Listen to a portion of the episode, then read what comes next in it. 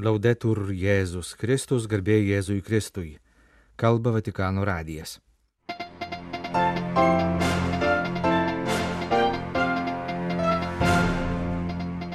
Popiežius priėmė tris Amazonijos čia buvių katalikių veikėjas.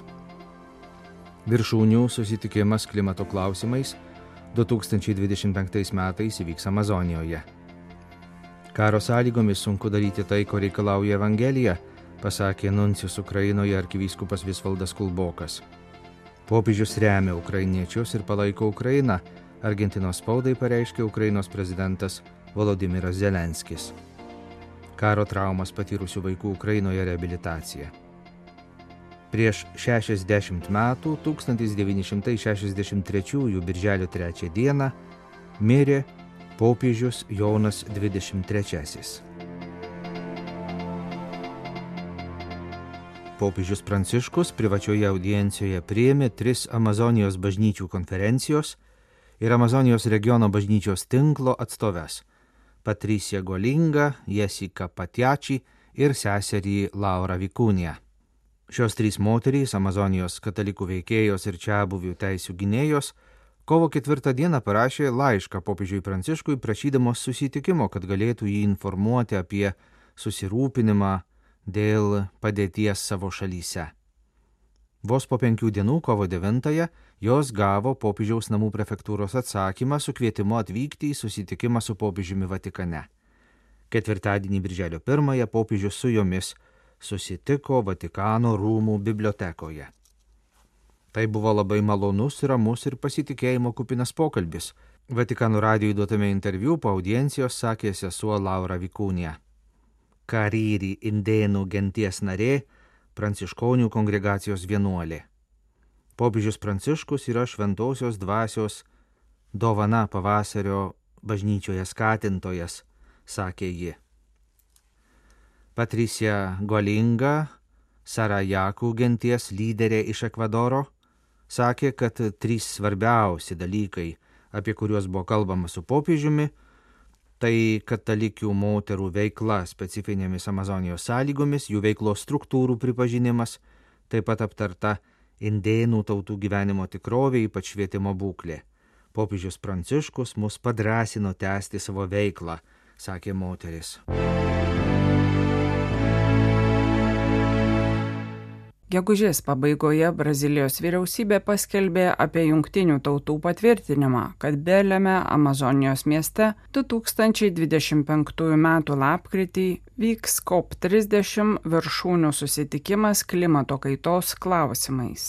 Brazilijos prezidentas Luizas Inacio Lula da Silva paskelbė, kad Amazonės miestas Belemas buvo pasirinktas renkti kitą aukščiausiojo lygio susitikimą klimato kaitos klausimais, pabrėždamas įvykio svarbą. Brazilijos prezidentas paskelbė tai kartu su užsienio reikalų ministru ir para valstijos gubernatoriumi. Šios valstijos teritorijoje tarp didžiausių pasaulyje atogražų miškų yra įsikūręs Amazonijos miestas Belemas.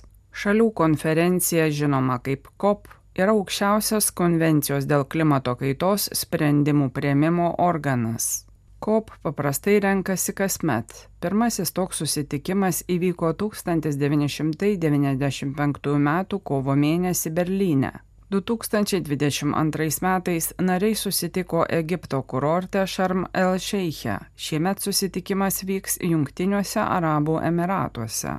Paskutinis COP posėdis Egipte prasidėjo griežtais jungtinių tautų perspėjimais, kad planeta Žemė siunčia nelaimę signalą. Paskutinė jungtinių tautų klimato ataskaita atskleidė, kad pastarieji aštuoneri metai buvo užregistruoti kaip šilčiausi. Tada 200 šalių pradėjo dėrybas dėl tolesnių žingsnių, reikalingų siekiant sumažinti išmetamų teršalų kiekį, sukelianti visuotinį atšilimą. Popiežius Pranciškus tada išreiškė vilti, kad COP imsis veiksmingų ir ilgalaikių pastangų kovoti su klimato kaita. Vatikano delegacijos vadovas COP27 viršūnių susitikime kalbėjo apie būtinybę skubiai imtis konkrečių ir toleregiškų veiksmų siekiant įveikti klimato krizę.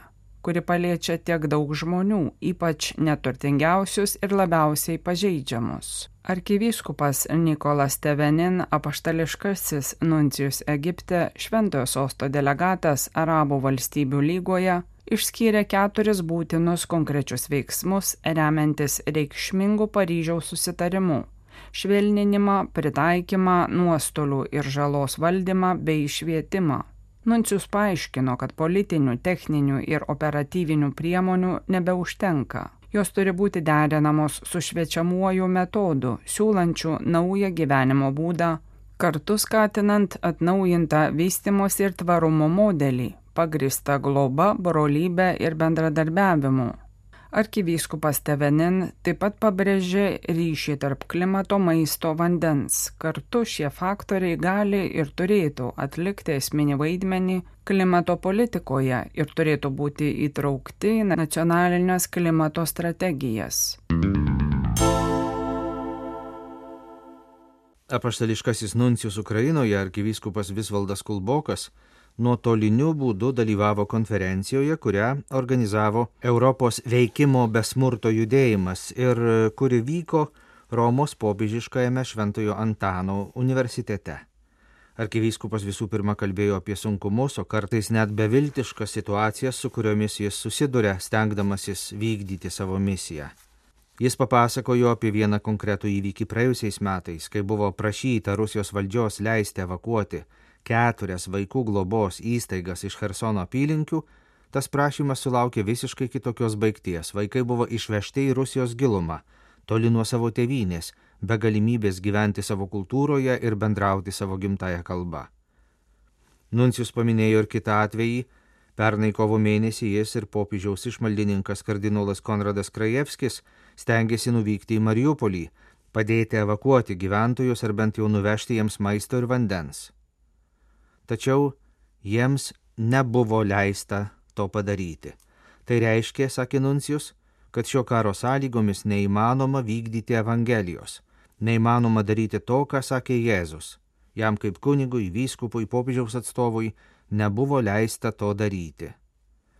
Neleidžiama ir lankyti kalinių. Kaip žinoma, okupuotose teritorijose jau nebėra likę katalikų kunigų, kai kurie buvo išvaryti, kiti buvo uždaryti į kalėjimą. Aš neturiu galimybės jų aplankyti, sakė Nuncijus. Negaliu lankyti kalinčiųjų, pagirdyti ištroškusiųjų, pamaitinti alkanų. Apibūdindamas dabartinę padėtį, popiežiaus diplomatinis atstovas pabrėžė, kad ne tik žmogiškosios pastangos yra būtinos siekiant teisingos taikos, bet taip pat svarbu melstį Dievo paramos. Rusijos pusė nenori klausyti. Todėl popiežiškasis nuncijus Ukrainoje ragino ne tik stengti suprasti užpultos valstybės realijas ir organizuoti taikos iniciatyvas, bet ir ištvermingai melstis. Kovojame ne tik dėl žemės, bet ir dėl vertybių, dėl laisvės. Ginklai rankas paėmę žmonės gina ne kelis hektarus žemės, pasėlius, agurkus ar pomidorus, bet savo laisvę toje žemėje laisvę nuo bet kokio terono įtakos. Argentinos žinių svetainė Infobae komentavo Volodymyras Zelenskis, Ukrainos prezidentas. Popiežius remia ukrainiečius ir Ukrainą, pasakė jis paklaustas apie neseną susitikimą su Pranciškumi. Birželio pirmąją paskelbtame išsameme interviu pokalbis daugiausia sukosi apie Latino Amerikos valstybių požiūrį į Rusijos pradėtą karą Ukrainoje. Tik kelios šalis jį vienaprasmiškai pasmerkė. Tačiau porą klausimų palėtė ir Ukrainos prezidento susitikimus su popiežiumi Pranciškumi. Galima priminti, jog Volodimiras Zelenskis su Pranciškumi susitiko du kartus - 2020 vasario 8 likus metams iki karo, o antrąjį kartą visai neseniai - 2023 gegužės 13. Taip pat žinoma, jog popiežius ir Ukrainos vadovas bent du kartus kalbėjusi telefonu. Popiežius palaiko ukrainiečius ir remia Ukrainą. Jis tikrai nori, kad šis krūvinas karas baigtųsi. Buvau su juo susitikęs du kartus ir atkreipiau jo dėmesį į kai kuriuos kritinės svarbos dalykus ir jis iš tiesų stengiasi man padėti, pasakojo Volodimiras Zelenskis. Pasak jo pirmojo susitikimo metu, prieš dabartinę invaziją, jis paprašė padėti jo kraštui susigražinti žmonės - Krymo totorius, politinius kalinius, žurnalistus, kitus jėga išvežtus ar sulaikytus asmenis. Anot Ukrainos vadovo, susigražinti civilius gali būti sunkiau nei susigražinti karius, kuriuos galima iškeisti į rusų belaisvius. Pranciškus nuoširdžiai stengiasi padėti ir kažkiek galėjo padėti. Buvau jam už tai nuoširdžiai dėkingas sakė Volodimiras Zelenskis. Antrame neseniai įvykusime susitikime jis išreiškė pagidavimą, kad ir Vatikanas dalyvautų viršūnių taikos susitikime, remtų jo siūlomą taikos formulę. Popiežius turi labai aiškę poziciją dėl paramos Ukrainai ir dėl taikos. Teiravausi jo dėl taikos formulės ir dėl vaikų deportacijos. Jis žino, kad tūkstančiai mūsų vaikų buvo išvežti į Rusiją todėl paprašiau jo pasinaudoti savo ryšiais ir paveikti kai kurių mūsų vaikų gražinimo procesą, sakė Ukrainos prezidentas. Jis pridūrė, kad taip pat norėtų, kad nebūtų naudojamasi popiežiaus politinė ar komunikatoriaus asmenybė. Po popiežiaus pasisakymų kai kurios žiniasklaidos priemonės, ypač rusiškos, tengiasi iškreipti jo žodžius savo naudai. Todėl buvo taip svarbu kalbėtis tiesiogiai, sakė Volodimiras Zelenskis. Lvivo ligoninėje atidarytas centras Nepalaužti vaikai, kuriame gydomi ir teikiama fizinė bei psichologinė reabilitacija 954 vaikams patyrusiems karo žaizdas. Centras įkurtas vienoje svarbiausių Ukrainos vaikų ligoninių, padedant Zaporukos fondui Lvivo medikų sąjungai. Prie nepalauštų vaikų centro įkūrimo prisidėjo ir Italijos fondas Soletere, kuris rūpinosi patalpų remontų, personalo apmokymų, nauja įranga vaikų gydimui ir reabilitacijai. Nuo 2022 m. vasario mėnesio Soleterė siuntė medikus, chirurgus ir regeneracinės medicinos ekspertus į Lvivo ligoninę, kurioje buvo gydoma daugiau kaip 4000 vaikų sergančių įvairiomis lygomis. Rūpinantis pirmaisiais 400 pacientų atvykusių į ligoninę karo pradžioje, pastebėti psichologiniai potrauminiai sutrikimai, nerimo ir depresijos požymiai susiję su artimųjų žūtimi ar priverstiniu perkelimu. Vaikas patyręs traumą turi beveik penkis kartus didesnį polinkį į depresiją ir 12 kartų didesnę savižudybės riziką. Todėl būtina netidėliotina pagalba vaikams patyrusiems karo baisumus. Tad teikiama nuolatinė pagalba vaikams, jų šeimoms ir vietiniams medikams. Centras, kuris galės veikti ir pasibaigus karui, įkurtas atliepiant į būtinybę padėti vaikams, netekusiems galūnių, patyrusiems rimtus sužeidimus, turintiems neuromotorinių sutrikimų, kuriems laikui bėgant reikės nuolatinės pagalbos. Tikimasi, kad geradarių pagalba centras galės priimti dvigubai daugiau vaikų nei dabar. Garsus amerikiečių režisierius Martinas Scorsese pranešė, kad kuria naują filmą, kurio pagrindinis veikėjas bus Jėzus. Praėjusį šeštadienį, gegužės 27 dieną, režisierius dalyvavo popiežiaus audiencijoje skirtoje Georgetowno universiteto Vašingtone ir Italijos jėzuitų žurnalo Lečivilta Katolika surinktos konferencijos apie katalikišką įkvėpimą kultūroje dalyviams. Per audienciją kreipdamasis į poetus, rašytojus, scenaristus ir režisierius, Pranciškus pabrėžė, kad jų kūriniai padeda pamatyti Jėzų, gydo mūsų vaizduotę nuo visko, kas užgožia ir slepia nuo mūsų Jėzaus veidą. Į popiežiaus kreipimąsi į menininkus parodyti Jėzų atsiliepiau vieninteliu man žinomu būdu. Sukūriau filmo apie Jėzų scenarijų ir jau pradėjau kurti naują filmą. Atskleidė Martinas Skorsezė. Jūs klausotės Vatikano radio tęsinę programą. Prieš šešis dešimtmečius popiežiui Jonui 23 susirgus ir 1963 m. birželio 3 d. mirus nuo vėžio lygos, visų lūpose buvo klausimas, ar su jo mirtimi pasibaigs ir Vatikano antrasis susirinkimas. Jį pradėdamas 81 metų popiežius tikėjosi, kad susirinkimas neužtruks.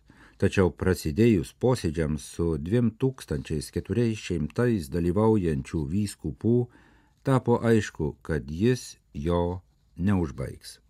Istorikas Brigermanas straipsnėje samprotaudamas apie susirinkimo bažnyčioje sukeltus ir po šešių dešimtmečių neišsipildžiusius lūkesčius prisimena, kad anuomet norėta net paskutiniosius mirštančio popiežiaus žodžius, kad visi būtų viena lotyniškai ut unum sint, suprasti kaip jo užuomina į Vatikano susirinkimą ir jame iškeltą ekumeninį klausimą. Jonas 23 mirė per sėkmines, sėkminių pirmadienį, o kartą jis patį Vatikano antrąjį susirinkimą buvo pavadinęs naujosiomis sėkminėmis. Po popiežiaus Jono 23 mirties Milano kardinolo Giovanni Batista Montini išrinkimas jo įpėdiniu nebuvo staigmena.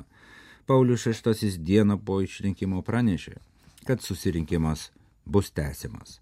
Bet tiesa ir tai, primena istorikas, jog Montini, darbūdamas Milane, kai išgirdo apie popiežiaus sušaukto susirinkimo staigmeną, prasitarė, kad popiežius ko gero nenutuokia, į kokį širšyną papuolė.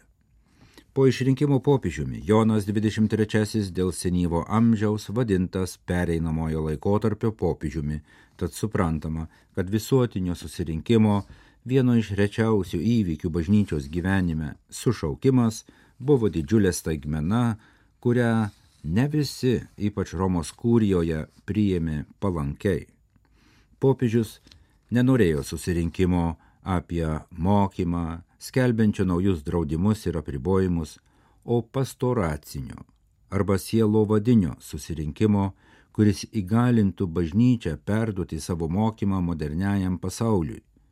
Pažymėtina, kad mirus susirinkimo tėvui popiežiui Jonui 23 dar nebuvo paskelbtas nei vienas susirinkimo dokumentas.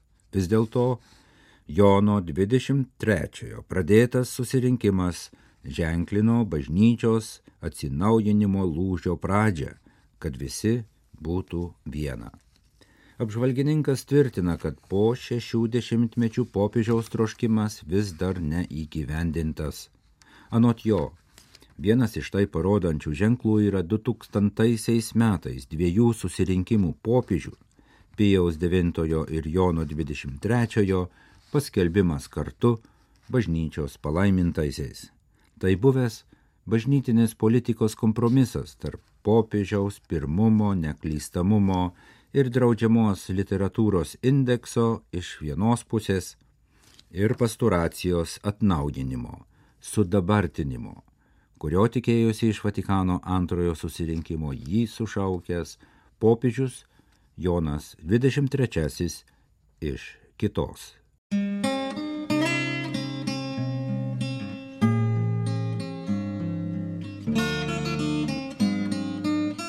Kalba Vatikanų radijas. Laidą lietuvių kalba baigėme. Garbėjai Jėzui Kristui, laudetur Jėzus Kristus.